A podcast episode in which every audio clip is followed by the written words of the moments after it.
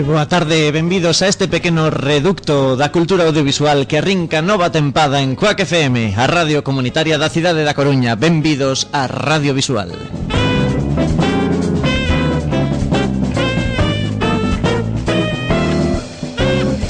Lembra de que emitimos pola FM para toda área metropolitana da Coruña a través do 103.4 e para o resto da terra a través de internet en www.coacfm.org.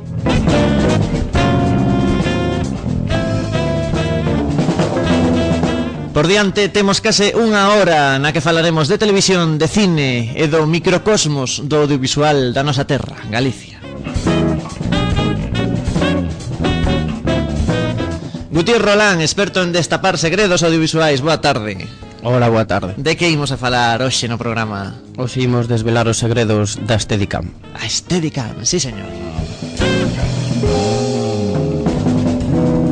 Ademais, hoxe estreamos un boletín de novas audiovisuais e un apartado de convocatorias para todos os interesados en castings, festivais e curso, cursos relacionados co audiovisual. Lembra de que podedes contactar en directo se estades escoitando nos hoxe, martes 14 de setembro ás 2 da tarde, eh, no 981 167 000 coa extensión 2231 ou podedes contactar con nos en diferido a través do noso correo electrónico radiovisual arroba cuacfm.org.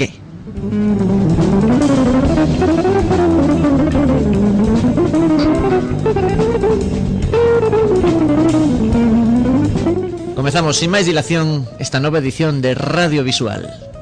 Un saúdo de Víctor Grande. Ti sabes que sai de forzar un burro cunha cebola? Non! Pois sai un cacho de cu que che a facer chorar. Radio Visual en Quack FM.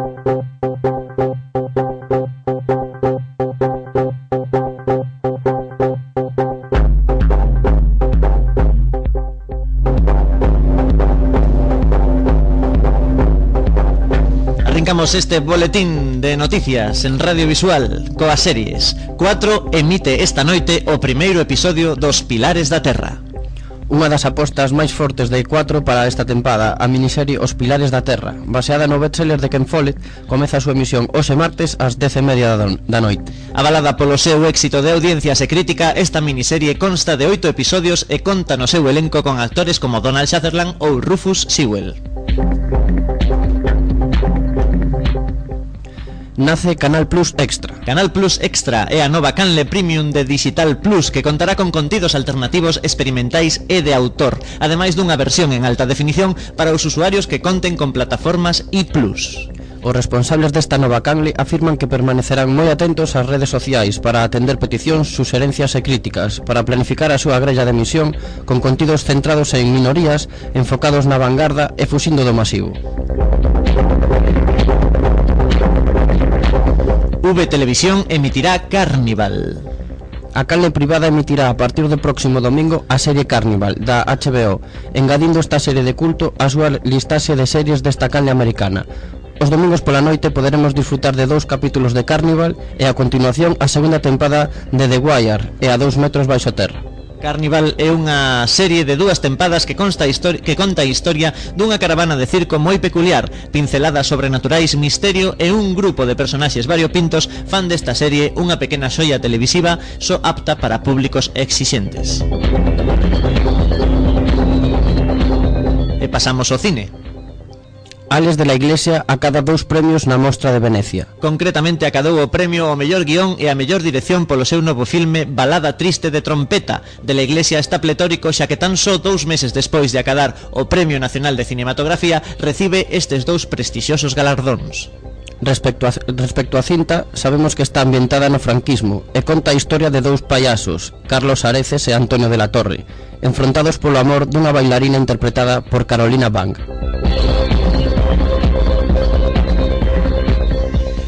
Numi Rapace estará no elenco de Sherlock Holmes 2. 2.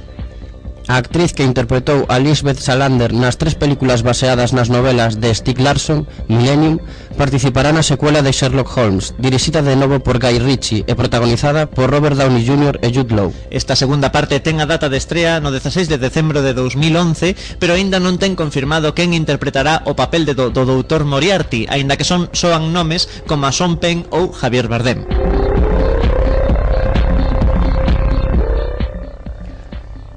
Esta fin de semana comeza o 58º Festival de Cine de San Sebastián. Entre o 17 e o 25 de setembro visualizaránse un total de 119 cintas nun ano cinematográfico no que non destacan grandes títulos nin cineastas.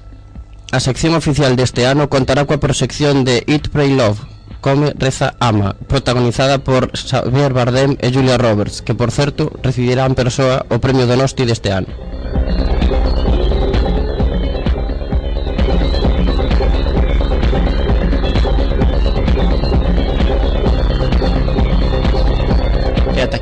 Boletín de novas audiovisuais.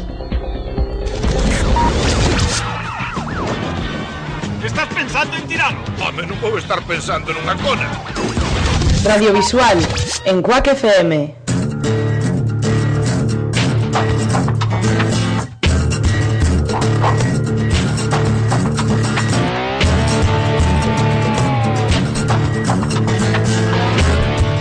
...14.06, dúas e seis minutos da tarde deste martes 14 de setembro Arrancamos Radio Visual e imos comezar dándolle unha volta de torca a eses segredos audiovisuais que nos trae sempre Gutiérrez Rolán Hoxe imos falar de Steadicam, certo ou trola?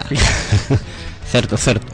Pois eh, quería comentarvos pois algunhas pinceladas sobre a estética que supoño que aínda que hoxendía igual xa todo o mundo ten máis ou menos algo de idea porque as ve nos partidos de fútbol eh, pois, bueno, hai algunha cousa que, que igual se escapa, non? A, este DICAM en realidade é como decir Clinics É unha marca que foron os, os que inventaron, digamos, este sistema de estabilización de, de cámaras. E claro, pois todo o mundo lle, lle chama así. Eh, Non confundir con histérica como decía unha actriz que, que escoitaba decir este dicame, este e ela pensaba que chamaba por unha histérica. Non vas dicir quen é a actriz, non? non, pobriña. Eh, Bueno, consta dun, dunha especie de pedestal que vai ten vai eh, enganchado nun, nun brazo hidráulico e, e logo vai suxeitado tamén a un chaleco que leva o operador da estadio. Isto fai que manteña unha, pois, unha estabilización da cámara, que ademais pode, podemos utilizar eh, cámaras de, de diversos pesos, e, e tamén se pode montar neste, neste, neste brazo pois un monitor para poder gravar máis comodamente, ver os encuadres, eh, baterías extras, eh, bueno, de, micrófonos e, eh, e demais. Os pesos son varían bastante, pero bueno, eh, se, se falamos, por exemplo, dunha das máis completas que hai en España que foron a, foi aquela que nos deu Carlos, bueno, o profesor do curso deste Dicán en Vedra. Pois falamos de 30 e pico kilos. Carajo. Eh, che, chegalle ben. eh, o sea que... Eh, e moitos cartos, 40.000 euros. En esencia estamos falando dese eh, aparello como unha especie de armadura cun brazo mecánico que podemos ver eh, como os distinos nos partidos de fútbol ou mesmo en algún making of de, de, de producións audiovisuais, non? Para que nos centremos un pouco. Eh, eh, cal é o obxectivo de, de todo este eh, sistema de engranaxes eh, hidráulicos, mo, eh, muelles e eh, eh, brazos mecánicos? O sea, cal é o obxectivo final desta estética? O obxectivo era abaratar costes porque teñaban, por exemplo, para para facer un traveling había que montar unha plataforma sobre sobre unhos raíles eh, e bueno, era bastante caro. Entón isto pois se conseguías eh, ter unha imaxe bastante estable e poder facer panorámicas e travelings moi suaves sin necesidade de ter que construir pois toda esa toda esa estrutura de de traveling, por exemplo. E ademais, eh, bueno, é máis versátil, é máis barato, non? eh, podemos eh, utilizar este Edicampus en, en terrenos máis abruptos, eh, bueno, non require pois tanta produción. E todo isto, todo este arnés e todo este sistema hidráulico que é o que está patentado realmente por Stadium, eh, pois o que consigue é obter unhas imaxes moi moi suaves que, que tanto nos gustan e que foi o que permitiu precisamente que os planos secuencia fosen pues, máis de, democratizados, no que agora todo todo mundo pode pode facer un plano secuencia sin complicarse demasiado, que, que antes estaba pois vetado casi. Eh, ademais de, das Steadicam, pois temos eh, outros tipos de, de estabil, sistemas estabilizadores, como pois o, bueno, handi, o, a, a estética do home pobre que utilizamos nós, que era unha, unha estética que se facía con, con 50 dólares, non? Porque eh, de canto estaríamos a falar, eh, porque hai moitos prezos, entendo eu, pero unha estética accesible a un público eh, non profesional ou semiprofesional eh, poderíase conseguir de algún xeito ou é eh, un precio tan desorbitado como eses 40.000 euros que falabas das hiperprofesionais? Bueno, esa de 40.000 hai tres en España eh, Evidentemente esas son da tope de gama. Pero podemos atopar cerca dos 2.000 euros Sistemas máis deste DICAM eh, Máis, bueno, máis sinxelos Pero tamén moito máis asequibles. E logo se nos imos a estabilizadores de cámara Pois tipo Glidecam ou Quietacam Ou estes, estes inventos caseiros eh, xa falamos de 400, 500 euros pero bueno, non dan exactamente os mesmos resultados e eh? tampouco podemos o mellor montar pois, un, un monitor ou baterías extra como, como pode ser con Astedi Perdona, dixeches Quieta Cam Si, sí, Quieta Cam es...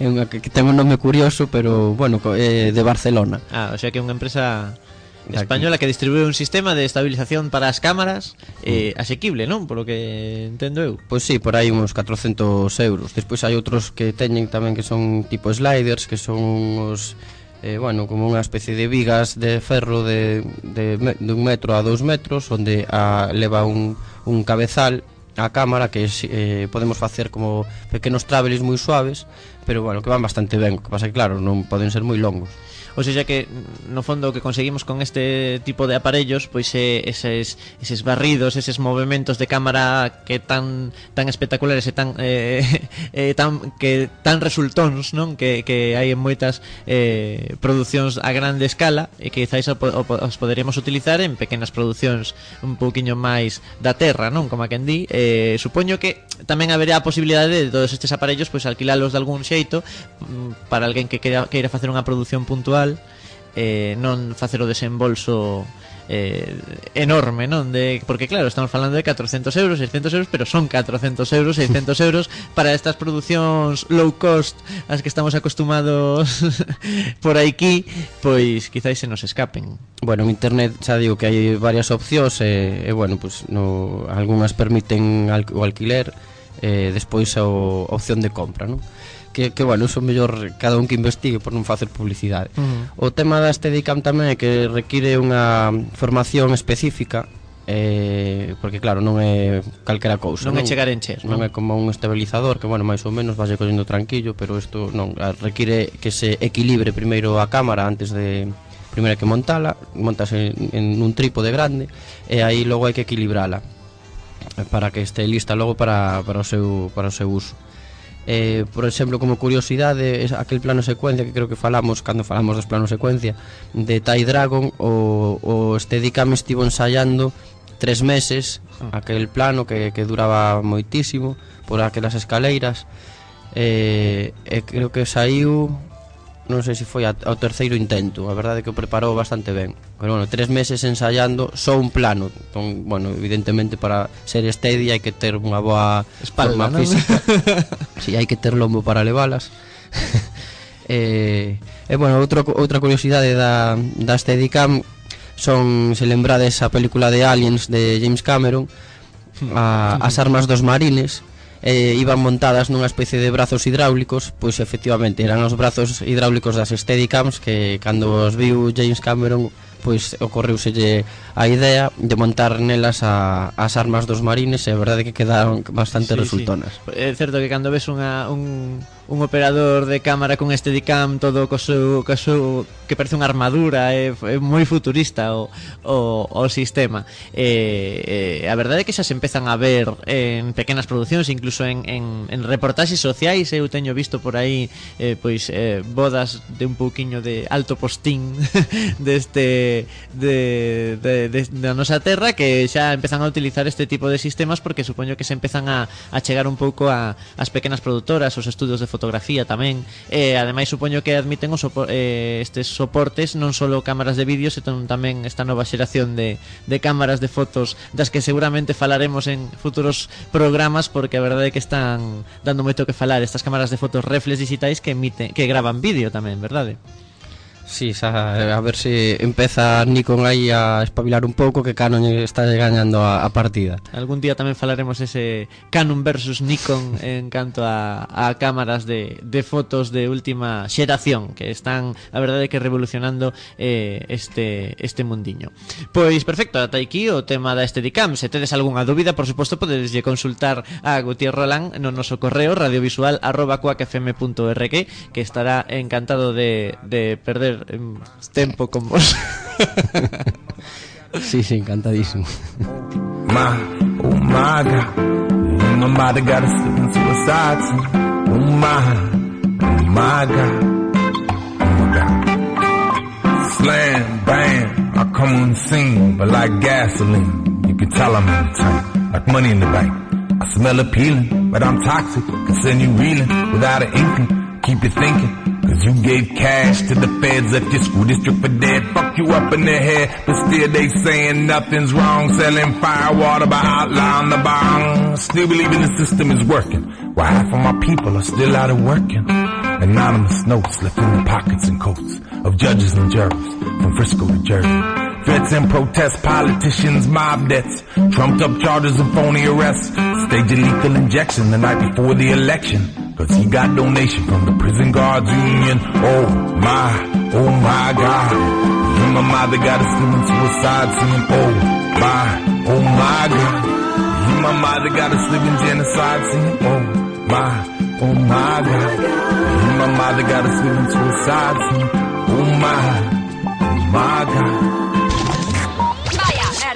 Maña, maña, tío coche, aquí ninguén vai a ningures. Espero que esa estrada estea máis pechada co cu dunha carracha. Que pensabas facer? Manda carallo na Habana. Radiovisual, en Cuac FM. That's my pain away, I got problems. That's my pain away, I got problems. Oh, oh. oh.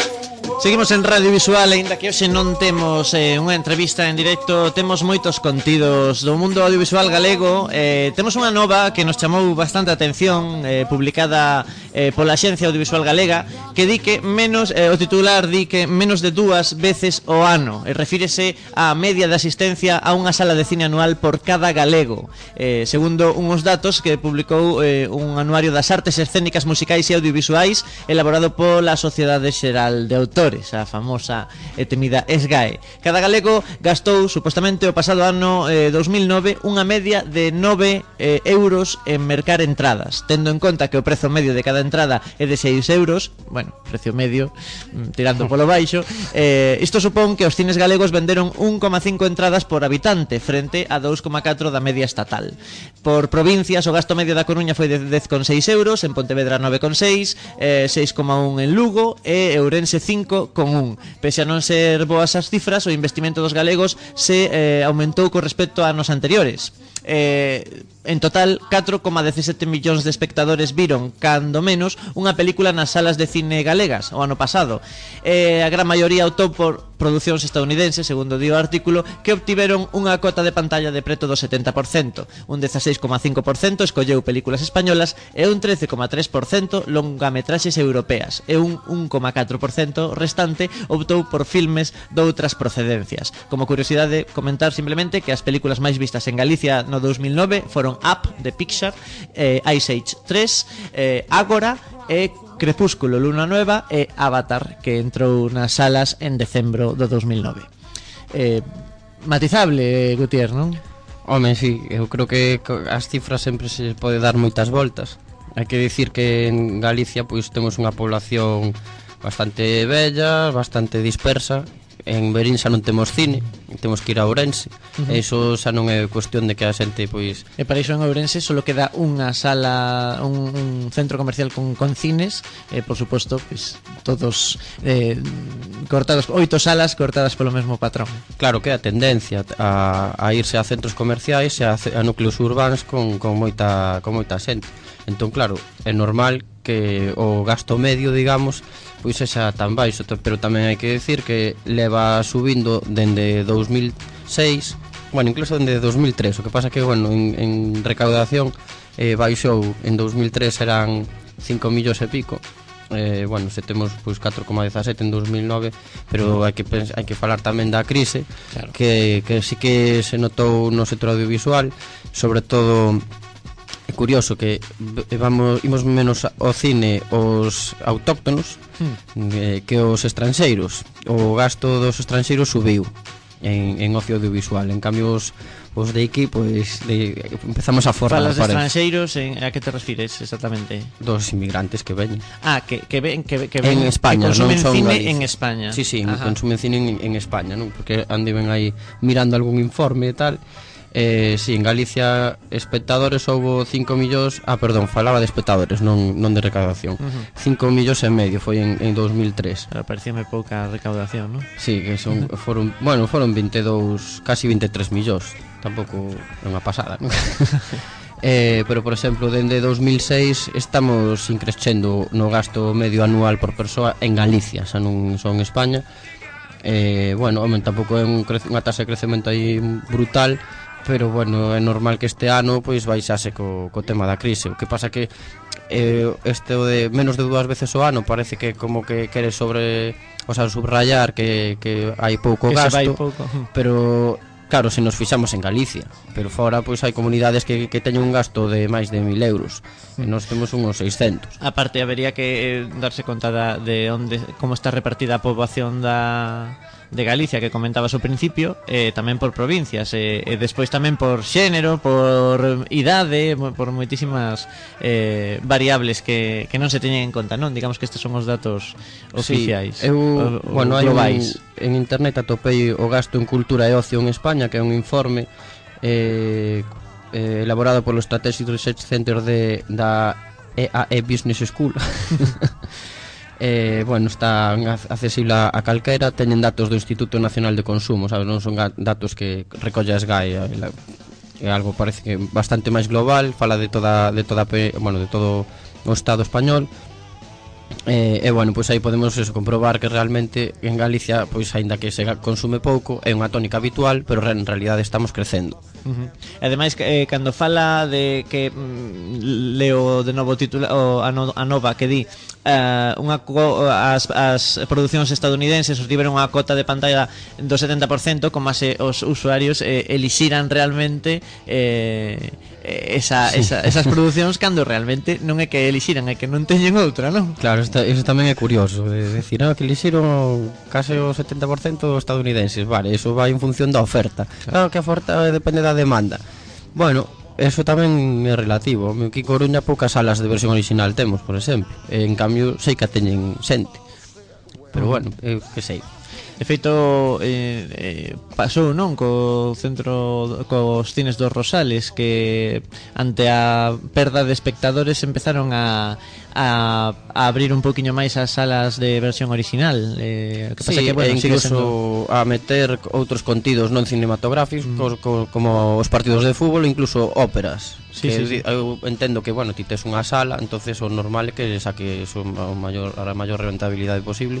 Me pareceme normal, non ten por que haber só películas. Efectivamente. Pero efectivamente, o que se está vendo tamén é que non é unha cousa de oferta e demanda, sino de, de cartos, de, de sacarlle pois, Rendemento. todo o que eh. poidas, porque, bueno, tamén é certo que fixeron unha inversión grande co tema do 3D, eh, pero bueno, eso repercute en que desaparecen cines pequenos na, nas poboacións eh, de menos habitantes. Temos que, que deixarnos en mans de filántropos que queiran montar pequenos cines por amor ao arte que teñan cartos de sobra e que sexan eh, moi moi fanáticos de, do sétimo arte como corre nesa sala nesa única sala 3D que hai na provincia de Ourense non lembro agora o povo eh, non sei se te lembras, pero pero efectivamente hai un, un home que montou unha sala eh, 3D para para de, para el mesmo, vamos. Eh, sí, aí, está, aí está, aí está. Non me lembro, pero teño un amigo que foi sí. que foi a vela dixo que estaba bastante ben. Eses pequenos cines da, das vilas galegas que están eh, ou pechados ou convertidos en nun, nunha franquicia de, Amancio Ortega Pois eh, é unha pena É unha pena que se perdan. Eh, Agora vemos que está empezando a correr tamén Incluso coas salas grandes Como foi no seu día que comentamos A sala dos Rosales aquí na Coruña Que, que no seu momento pois eran os cines eh, punteiros da cidade Eran os que estaban, digamos, comendo o terreo As pequenas salas E agora son os, os que lleven as orellas ao lobo Con todas estas novas salas Dos novos centros que están eh, surdindo como setas por, Polos montes da cidade Porque ainda non son os últimos estes os de Espazo Coruña, Coruña son os últimos que se abriron, pero non van ser os últimos que vai haber nesta cidade con ese centro comercial eh, que está a piques de rematarse ese Marineda eh, Plaza, non? Que ten ou Marineda City, perdón que vai ter unhas salas novas. E o Rosales o que está facendo é reciclarse de algún xeito, a ver se lle sale ben, e tamén podemos eh, disfrutar desa oferta alternativa que tanto demandan algúns pequenos sectores mm. desta cidade. De feito, hai películas que se retiran rapidamente, o mellor de dos de Espacio Coruña mm. e aínda podes atopalas en no Rosais. Eso hai xente que di incluso mal. que vai a os Rosales a ver as películas porque xa non hai rapaces por ali correteando os fines de semana. Pode ser. Eh, eh, pode ser tamén un, un motivo para ir a estas salas que, que bueno, siguen estando moi ben. Eh, e o parking eh, gratuito. Efectivamente, o parking Non facamos publicidade tanto dos Rosais, pero é certo, é certo. Non unha non vou nunca. Joder. Unha recomendación que sí que vos facemos dende este programa é que provedes a ir ao cine os domingos pola mañá. Se non queredes, se queredes estar tranquiliños, soliños, ter unha sala para todos, para vos nada máis e os vosos amigos que invitedes, e veredes que a sensación é a mesma, porque entras e cando saes pensas que de noite, que é como un día normal no que fuches a unha sala a ver unha película, pero estáse moi ben e moi tranquilo, e ademais é máis barato. Si, sí, a min chamaronme friki por ver películas por los domingos pola mañá, pero bueno. Bueno, a ti e a, a, a máis como a ti. pois pues é esa esa eh, nova deste, deste estudo sacado pola SGAE pois, como sempre se lle pode sacar eh, outra, outra forma de, de velo.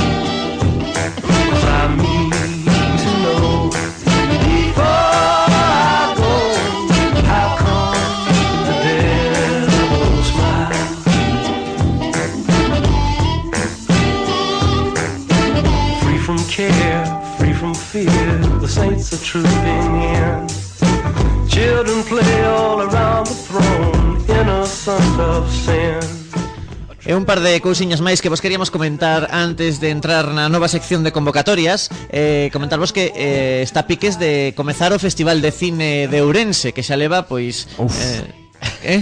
que me fai gracia as siglas. ah, Ouf. o Ouf, Ouf, é verdade. O, o como é eh, Festival Internacional de Cine de Ourense, Ourense Cinema International Festival, non sei que. Ouf, Ouf. O U F F.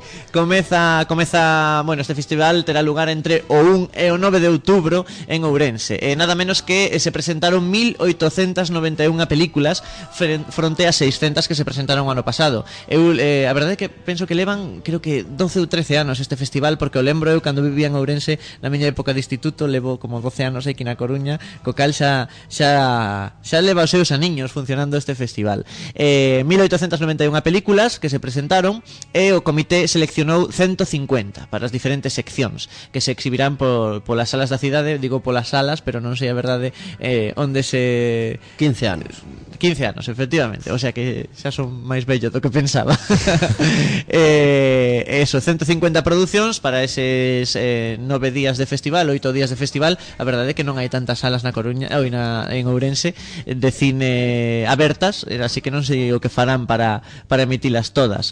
Eh, os, os responsables do festival destacaron así mesmo a alta participación no evento, que xa vemos que con diferencia do ano pasado eh, eh, pouco máis que comentar porque aínda non temos pois eh, máis datos deste festival que se que comezará esa primeira semana de outubro e que tentaremos facerlle un, un pequeno seguimento eh, pois a ver os premiados e eh, algunha produción que se poida destacar. E se conseguimos unha entrevistiña pois mellor que mellor porque sempre quedan ben neste neste programa. Eh, o de chegarnos a Ourense quen sabe quen sabe porque non temos Ourense e Pretiño. Home casa onde dormirte eh, exactamente en Galicia xa non hai distancias así que vos animamos a que participedes e vexades estas eh, películas que probablemente non podedes ver en, en ningunha outra sala. Eh, bueno, información está toda na página web do festival ouf.org o de ouf é Ourense Film Festival. Eso, con dúas Fs, vale. Eh, supoño que preguntándolle a San Google seguro que atopa o enlace de primeiro. Entón aí tedes o Festival de Cine de Ourense, lembrade do 1 ao 9 de outubro deste ano. E o ano que ven volverá tamén, entón non sei ni para que digo o deste ano. E a última cousiña que vos queríamos comentar antes de entrar no mundo das convocatorias é unha iniciativa do Instituto Ramón María Yerulloa de Lalín que convoca un interesante certame de animación eh, resulta que eh, veñen de poñer en marcha unha interesante iniciativa no eido da audiovisual eh, no campo da animación, da animación en, de todos os eh, tipos, 2D, 3D, etc. Trátase de Anirmau, eh, que é un festival didáctico para curtas de animación que terá lugar entre o 26 e o 30 de abril de 2011, ainda queda un tempo, pero xa se está informando sobre elo para que a xente se anime, porque facer unha produción en 2D ou 3D, a verdade é que non se eh, non se remata en, en dúas semanas precisamente. Eh, o certamen forma parte dun proxecto educativo que desenvolve o Centro Lalinense co objetivo de contribuir á difusión da produción audiovisual no formato de curtametraxe e incorporala á educación audiovisual do alumnado de secundaria, dadas as posibilidades didácticas e pedagóxicas que ten a animación, vale? O sea que é como meter os rapaces no, no mundiño do, do audiovisual a través de ese 2D ou 3D, esa animación que tanto entra polos ollos e que eh, non deixa de ser eh, outro, outra forma de expresión cultural tan eh, necesaria na educación hoxe en día, verdade? Si, sí, eu, bueno, non é que me pareza mal este tipo de... No, todo o contrario, non? Eh, a chegar ao audiovisual aos rapaces sempre bueno, sempre estaría de acordo con eso. O que pasa que últimamente os eh, cursos de animación sempre son para críos.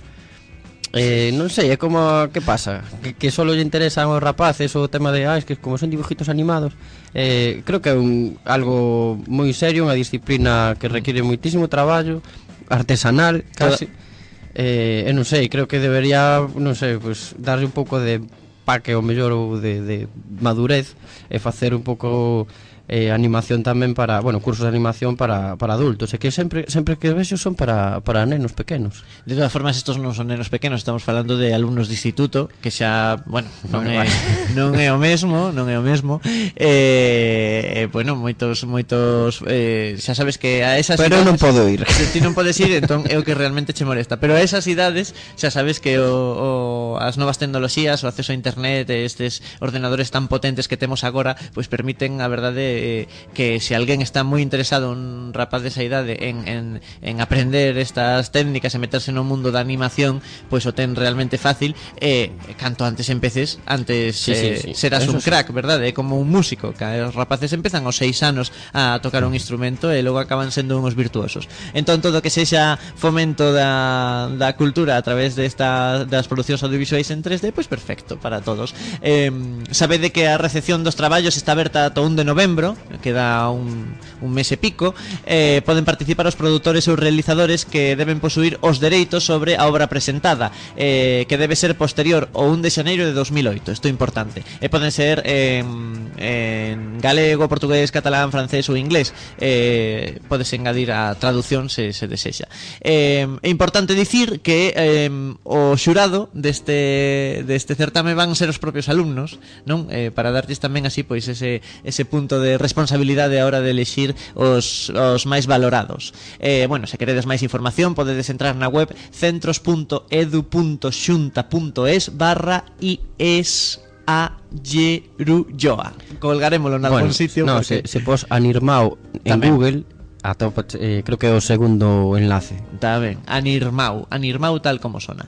Pois aí queda esa iniciativa deste instituto de, de Lalín. Eh, agardamos algunha nova máis, a ver que tal como vai o, todo este este proceso eh, e eh, o resultado final alá polo mes de abril, falamos, verdade? Sí. Pois aí queda eso e agora dentro un momentiño en Radio Visual convocatorias. Rain. Oh, you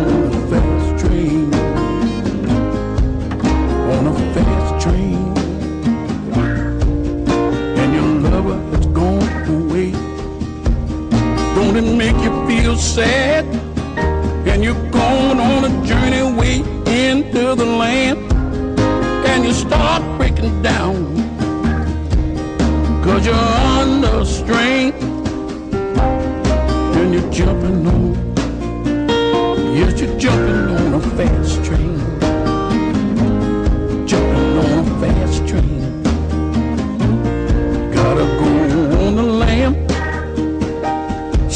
In no man's land.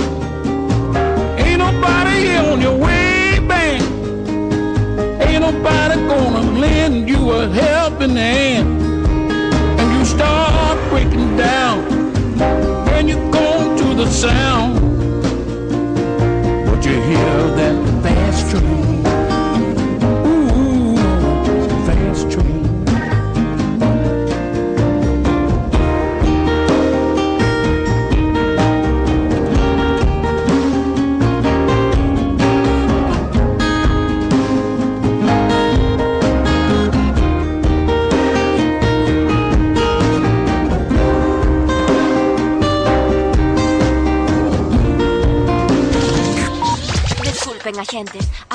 Coche aí nesa estrada e quería saber se me podían vir a axudar.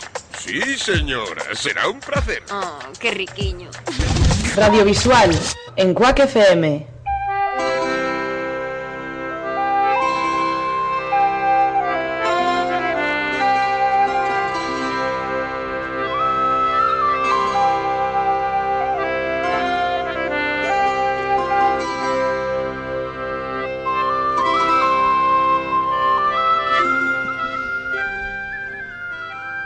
Comezamos unha nova sección en Radio Visual chamada Convocatorias, na que vos queremos comentar eh, todos eses procesos de casting de próximas eh, de próximos festivais, eh, outras ervas do eido audiovisual no que poderedes participar, como a cursos, cursiños que se celebren en Galicia ou nos arredores que vos poidan ser de interese. Comezamos, por exemplo, con eh, Amal 2010. Amal 2010 busca voluntarios para o próximo Festival de Cine Euroárabe que se realizará en outubro en Santiago de Compostela. Está destinado os interesados en coñecer máis de preto a cultura árabe, as súas películas e compartir experiencias coa xente de outros países. Eh, tedes eh, as, as datas do festival son do 23 ao 30 de outubro e podedes enviar o voso currículum a voluntarios@araguanei.com e vos podedes atopar máis información na web de Amal 2010 que é festivalamal.es sen h, o sea, a m a l festivalamal.es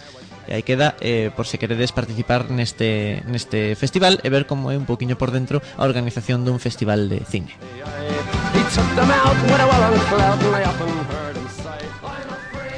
E ímonos a Vigo, pois abriuse o prazo para participar en Curtopía 2010. É o primeiro Festival Internacional de Curtametraxes de Vigo Eh, bueno, pois está organizado polo propio Concello de Vigo Vaise celebrar do 8 ao 26 de novembro E a inscripción é ata o 15 de setembro. Avisamos un pouquiño xustos, pero pero bueno, tedes a información na página web www.curtopia.es. Eh, o formulario podedes descargalo dende ali para se tedes algunha curta pois poder presentala. Eu a verdade é que isto sempre me animo moitísimo que, que a que surdan pois eh, festivais de cortametraxes en Galicia. Hmm. Eh, o seguiremos de cerca a ver que, que como vaya como funciona esta este este festival. Por exemplo, eh gustame o de Sada porque ten premios técnicos. Eh se siguen esa liña, pois estaría ben, vamos. Pois aí queda Curtopía, ademais un nome simpático. Eh, sí. a ver que tal, a ver que tal sae. Por outra banda, comentarvos tamén que ata o 30 de setembro tedes eh, a oportunidade de eh, enviar as vosas eh, produccións a Filmo. O que pasa é que son producións eh, especiais, vale? Trátanse e trátase dun festival de cine de bolsillo que pretende fomentar a creación audiovisual amateur. Entón, eh, tedes que enviar os, o, o, produccións feitas cos vosos dispositivos móviles, vale? Teléfonos móviles, microcámaras e cámaras de fotos que non graven en alta definición. Esa é unha condición para este festival Filmo que eh, se celebra do 19 ao 27 de novembro en eh, Xixón, eh, o, fest o 48 festival enmarcado dentro do 48 Festival Internacional de Cine de Xixón, que se celebra, como dixen, do 19 ao 27 de novembro. Entón, eh, ata o 30 deste mes podedes enviar as vosas pequenas producións feitas con móviles que tendo en conta que agora estes dispositivos teñen unha calidade de imaxe máis que aceptable, pois eh, hai pequenas perliñas que se poden presentar. Eh, máis información podedela obter na páxina web eh, filmolaboral.com. Vale, filmolaboral.com, buscades eh, Filmo, tal como sona, eh, este festival de mm, cine de bolsillo en Xixón.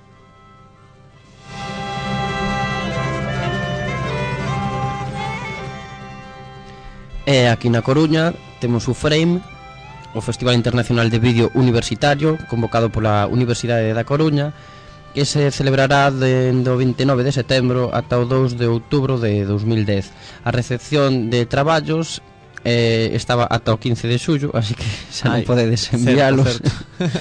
Pero bueno, podemos ir a disfrutar dos traballos dos universitarios eh, pois estes días. Eh, a información está na páxina www.uframe.com uframe.org.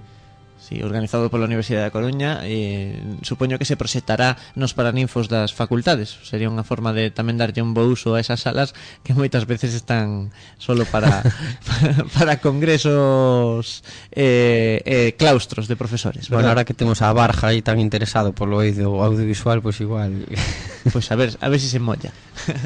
E por último, comentarvos a última convocatoria de hoxe. Eh, Trátase da Festival ou Mostra de Curtas Vila de Noia que por suposto é Noia. eh, serán eh, o 20, do 26 de novembro ao 5 de decembro se celebrará este, esta mostra.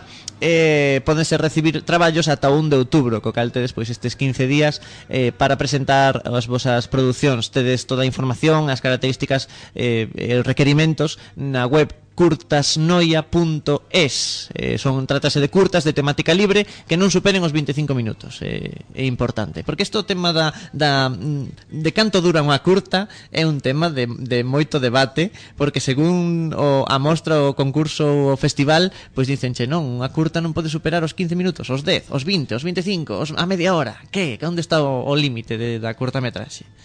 Bueno, iso xa sabes que hai hai gurús para todos os gustos, pero bueno, en principio se, se achegas aos 40 ou 50 minutos xa se fala de mediometraxe, pero bueno, ao final pois cada, cada festival pon as súas as súas condicións, porque bueno, eu supoño que será en base tamén ao tipo de festival que queren facer.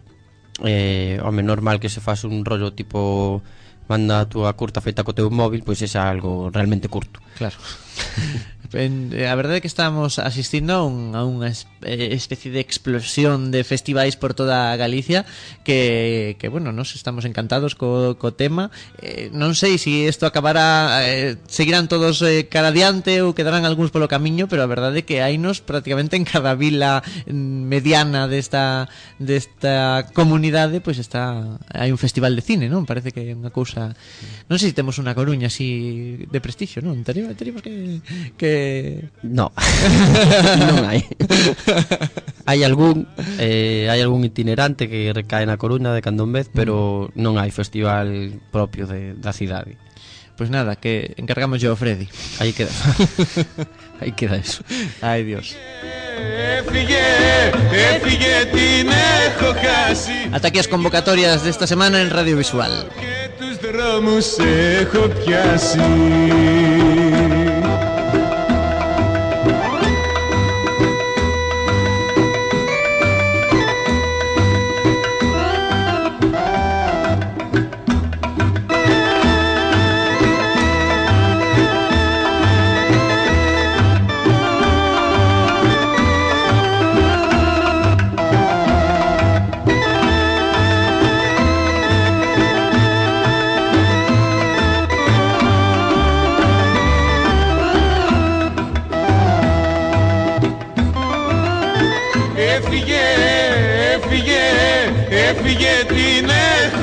έχω χάσει Και γυρνώ και ρωτώ Και τους δρόμους έχω πιάσει Έφυγε Se puede ir en taxi, si no consigue uno, se puede ir indignada. Dicen que si ves esa peli te mueres. He comprado un tanque. ¿Has perdido el juicio? Ahora no le doy el empleo que le iba a dar. ¿Qué empleo? Ministro del Ejército. Está bien, acepto. Aplicado. Radiovisual en Quack FM.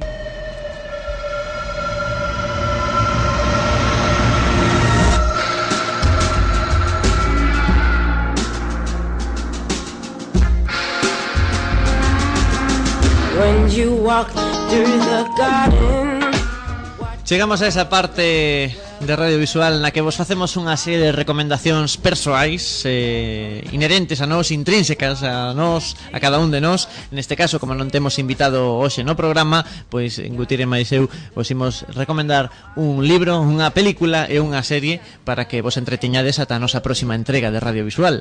Entón, comezamos polas películas eche parece, eh, perdón, polos libros eche parece Gutier Pareceme Empezo eu? Sí, ti mesmo. Pois eu quero recomendar o libro Así se hacen las películas do director Sidney Pollack. Eu xa sabedes que me encantan os libros escritos por directores porque se aprende moitísimo da xente que realmente está aí traballando e teorizando sobre o seu traballo. É o que fai aquí Sidney Pollack que dedica cada capítulo a unha fase do, da creación da, das películas dende un punto de vista moi persoal non trata de, de que de estandarizar eh, a dirección de, de películas, non o que el, o, o método que ele funciona, eh, aderezado con algunha anécdota eh, realmente vese que é un home que lle dedica moitísimo tempo á dirección de actores e iso, pois claro, logo notase nas súas películas. É moi non sei, flu, fluye a lectura fluye eh, de forma pois moi natural eh, esa, se encima pois vos interesa por tema xa profesional pois eh, tedes aquí un, un libro de para ter eh, ao lado da camiña. Perfecto. Bueno, se, como ti sempre tendes a, a falar de libros técnicos e eh, relacionados co, co audiovisual, pois eu non, eu vou facer o contrario. Vou vos recomendar un libro que me recomendaron e que ainda non tin, tivera o, o gusto de ler, que é El perfume, o perfume de... Eh, nunca me lembro o nome do, do escritor Patrick eh, Suskin Patrick Suskin, non sei se pronuncia así, M igual eh, É unha recomendación dunha compañeira de emisora e a verdade é que me, esto, me está encantando. Ainda non, ainda non o rematei, quedame moi, moi pouquiño, porque vou lendo así por eh, capítulo a capítulo, pincelada a pincelada. É un, eh, trata dun tema que, bueno, algún seguramente xa saberedes, eh, xa leríedes o, o libro, pero eu son neófito neste neste nesta temática fala dos, dos olores, vale? Por eso chama el perfume dun, dun, dunha personaxe que é capaz de, de recoñecer todos os cheiros do, do, do mundo eh, é, un, é algo que no mundo audiovisual non imos ser capaces de, de reproducir nunca, non? Porque bueno, crees, que, nunca. crees que chegarán as películas con olores? Crees que, que con cheiros que, que Se vamos... Xa, xa había páxinas web con olores Pero Sí. había que mercar o dispositivo ese Claro, chungo que mezclaba Bueno, isto era do, do, da miñas anda, nas miñas andanzas no, en, en radiofusión. Pero bueno, eu o perfume lino no instituto eh, e e a verdade é que me enganchou bastante. Uh -huh. eh, este, eh, pois pues, as descripcións detalladas sobre os olores porque me parece que, que un olor é algo dificilísimo de describir. Eh, e o libro pois pues, ten moitísimas descripcións de, de cheiros que a verdade é que casi estás aí a verdade é que por momentos gustaría gustaríache non estar aí concretamente porque o libro ten momentos moi moi decadentes e moi e moi chungos pero a verdade é que está moi ben moi moi sinxeliño de ler non é moi longo e eh, xa vos digo, eh, moi recomendable. O perfume. Máis recomendable o libro que a película. Sí, non, eh, non a vin, pero por recomendación. Non a vin por recomendación. Pasemos entón ás películas, se che parece. Pois eh, recomendo a Confidential de Curtis Hanson que a estas alturas supoño que xa todo o mundo a viu eh, o que pasa que revina fai pouco eh, e bueno encántame o guión, encan, bueno, encántame todo. Encántame todo desta película, está Russell Crowe está enorme. Eh, Kim Basinger tamén, e eh, que, que todos, todos, Guy Pearce, Kevin Spacey, Danny DeVito, que teñen un, un elenco de, de actores sí, brillantes, eh, moi ben dirixidos por Curtis, por Curtis Hanson. É verdade que é cine negro, pero que non, non ten data de caducidade é unha desas películas pola, eh, que, que merecen revelas unha, polo menos un par de veces, non? Como moitas outras que temos nun listado de pelis que volvería a ver. Eu rematei mercando a, ah, nestas ofertas da FNAC de, de 6 euros de peli aí de edición especial eh, que me sorprende moitísimo pero que agradezo moitísimo Pois mira, eu tamén vos vou recomendar eh, un clásico xa porque o considero un clásico que é Toy Story. Despois de ir a ver Toy Story 3 no cine, na que teremos que falar prácticamente dedicarlle un, un programa inteiro se, se poidéramos eh, e quedar completamente sorprendidos eh, unha vez máis gratamente por, por Pixar, eh, por estes xenios do 3D eh, de contar historias pequenas. Toy Story foi esa primeira película que abriu eh, o 3D, o, o, o cine, verdade? Foi Toy Story, digamos, a, a, a precursora de todas as demais ese, Esa primeira grande obra maestra de Pixar Que, que bueno, a verdade é que foi a máis Toy Story 1, despois Toy Story 2 e, eh, que se, eh, Logo clímax en Toy Story 3 Temos esa, esa, toda esa saga Pero bueno, se queredes empezar, empezade polo principio Por esa historia pequena, eh, gran historia Dese ese vaqueiro, ese home do espacio Mm. de xoguete, non? Que, que tanto nos sorprendeu e que soubo, soubo eh, mellorar co, cos anos. Si notase a evolución que fixo Pixar que xa é capaz de mesturar con un equilibrio perfecto o que a historia para nenos e tamén esas pinceladas mm. para adultos eh, Toy Story 3 para min é a mellor das sagas, unha das mellores películas do ano, xa e saindo incluso do eido da animación, xa sabes que bueno, escriben aí no blog unha reseña moi efusiva, porque me parece que, que realmente están conseguindo un nivel de calidade nas historias, sobre todo, porque na imaxe pois é algo habitual neles, a técnica, mm. pero xa na, App eh, pareceme boísima eh, Wally tamén eh, Consiguen, pois pues, eso, mesturar esas, ese, Que os nenos o pasen ben Pero que os adultos que botemos a lagrimiña a veces. Uh -huh.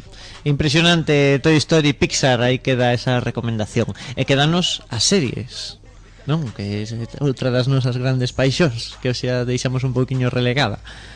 Sí, pois eu estou me decatando que recomendo moitas series británicas Hoxe non vai a ser unha excepción.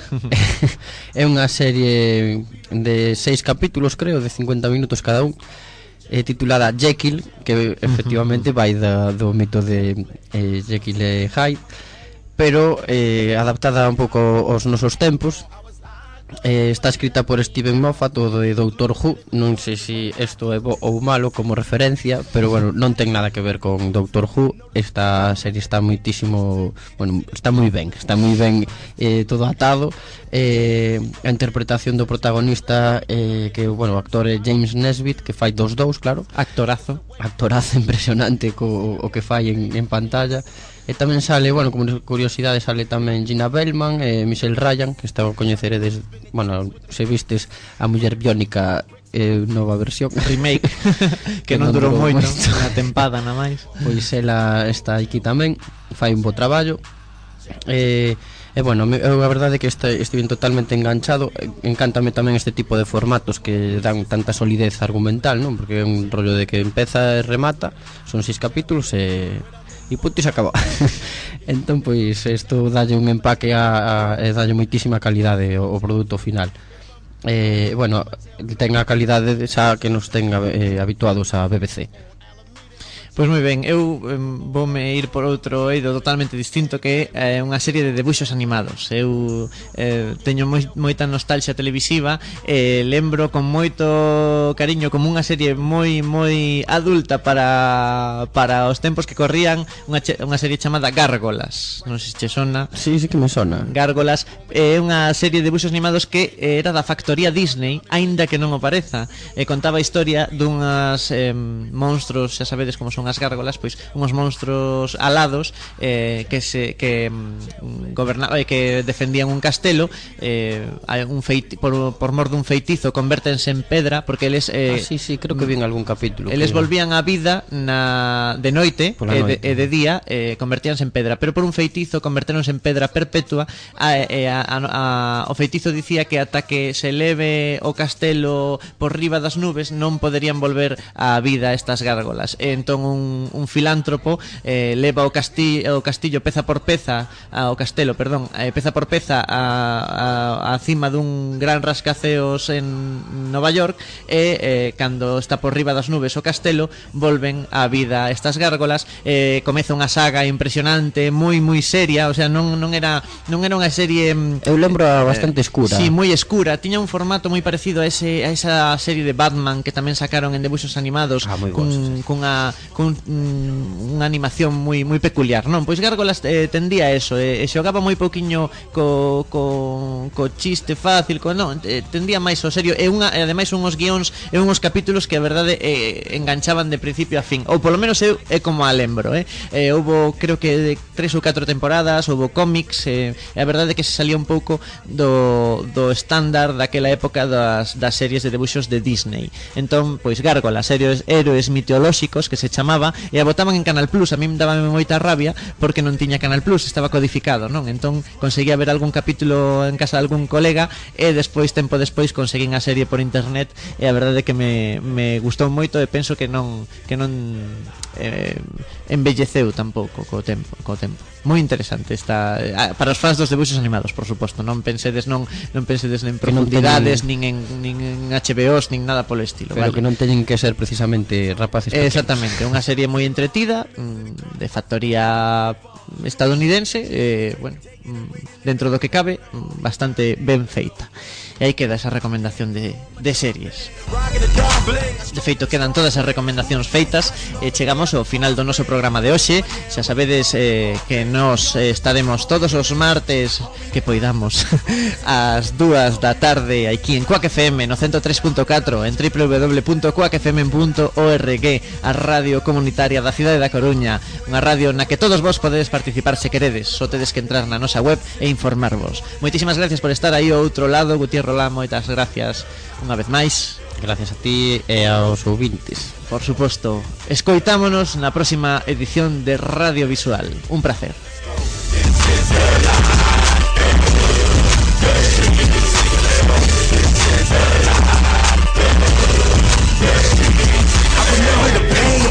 Being ashamed of spending food stamps for supper. Only true champs suffer enough to get motivated enough to rise to the occasion. Persevering, the block is blazing. Against the ropes under blue lights, two strike fight.